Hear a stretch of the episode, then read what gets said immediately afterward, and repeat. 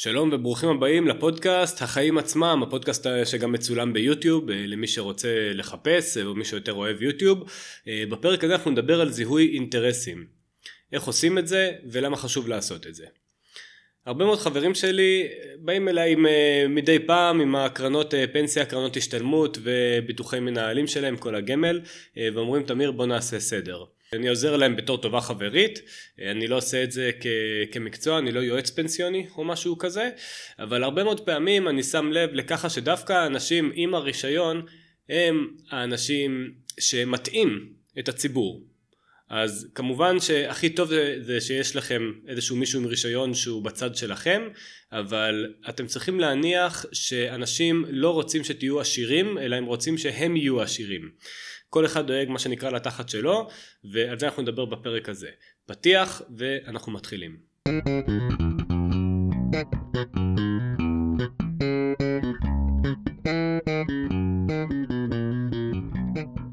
מרגיש איזשהו צורך להתנצל על הפתיחה הפסימית, אה, רוב האנשים הם בסדר, ובגדול מי שחוסך ומשקיע אז אפילו אם אה, הוא נופל באיזושהי אה, מלכודת אחת או שתיים בדרך זה לא כזה נורא.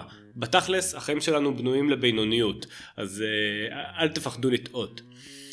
אני מדבר היום על מקרה בוחן ספציפי וזה סוכן הפנסיה במקום העבודה. הרבה מאוד פעמים אני פוגש באנשים שמגיעים לסוכן הפנסיה במקום העבודה שנותן להם עצת אחיתופל.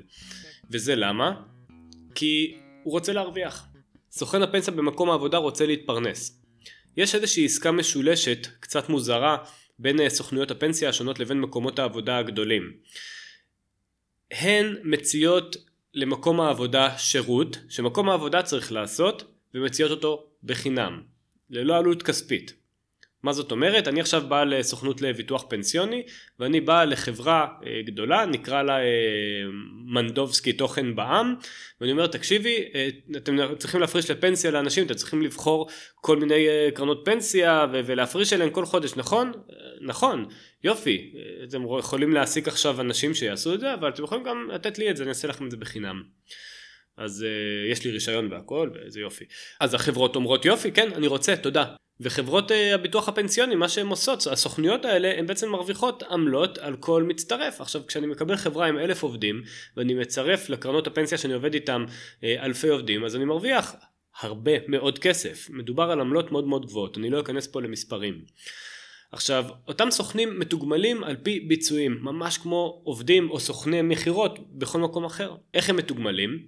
כמות הרווח שאתה מביא לי קרן הפנסיה אתה תרוויח אה, באופן אה, יחסי. אתה מביא לי הרבה רווח, אתה תרוויח הרבה, אתה תביא לי מעט רווח, אתה תרוויח מעט.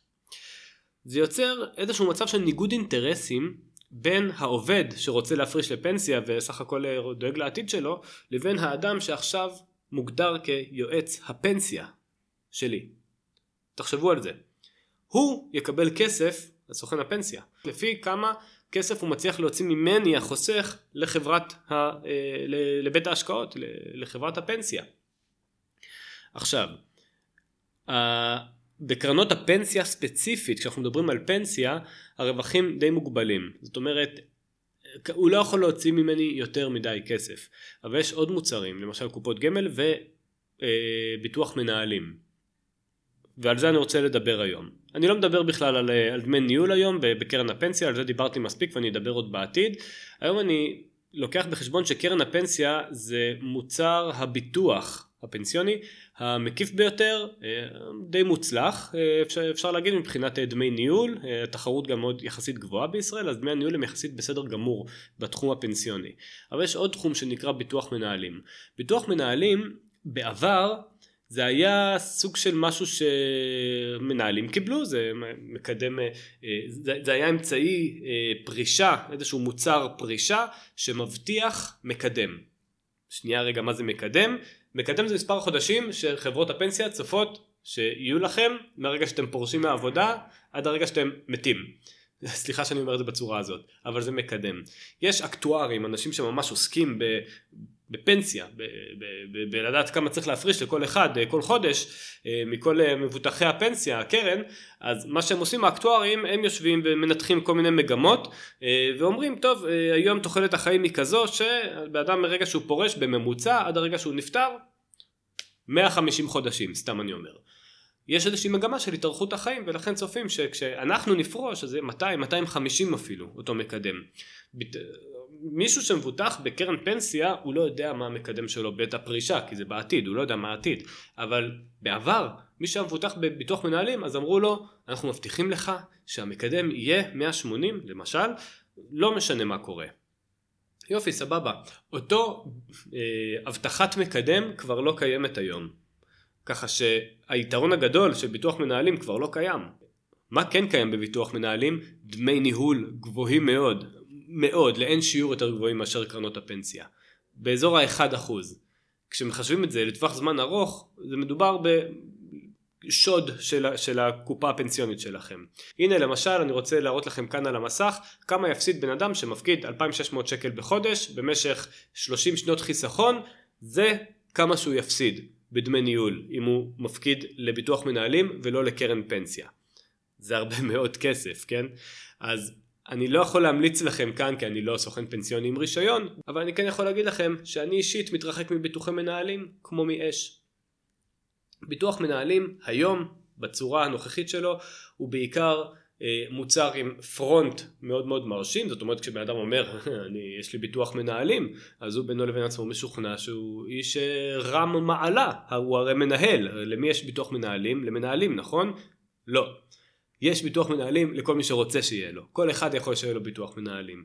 היה אפילו סיפור ששאולו אמסטרדמסקי מכאן 11 סיפר שהעבירו בכפייה לחלוטין את כל עובדי הניקיון של משרד האוצר העבירו אותם בלי שהם ידעו לביטוח מנהלים. למה? כי כנראה שמישהו שם, איזשהו אחד מהקבלנים, אני לא יודע מי, אבל מישהו רצה לעשות להם סיבוב על הגב.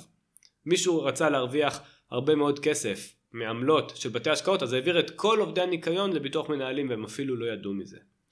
אז תשימו לב טוב טוב לדמי הניהול, זה לא חדש, אבל תשימו לב טוב טוב גם איפה אתם בעצם מבוטחים. אם, התבט... אם אה, ביטחתם את עצמכם פנסיונית בביטוח מנהלים, כדאי לכם לבדוק טוב טוב כמה אתם מפסידים בדמי ניהול בשנה וכמה בטווח הארוך. המסר שאני רוצה שתצאו איתו מהשיחה הזו שלנו, המונולוג הקצר הזה, זה זיהוי אינטרסים. כשאתם פוגשים בסוכן הפנסיה שלכם במקום העבודה, אתם יכולים, רשאים ואפילו מומלץ לשאול אותו, תגיד לי, אתה תרוויח יותר עמלה מהמוצר הזה שאתה ממליץ עליו מאשר מוצר אחר? לפי הקוד האתי של סוכני הביטוח, הוא חייב לענות לכם על זה. הוא חייב לענות לכם על זה. ואם הוא לא עונה לכם על זה, אז אל תסמכו עליו בכלל.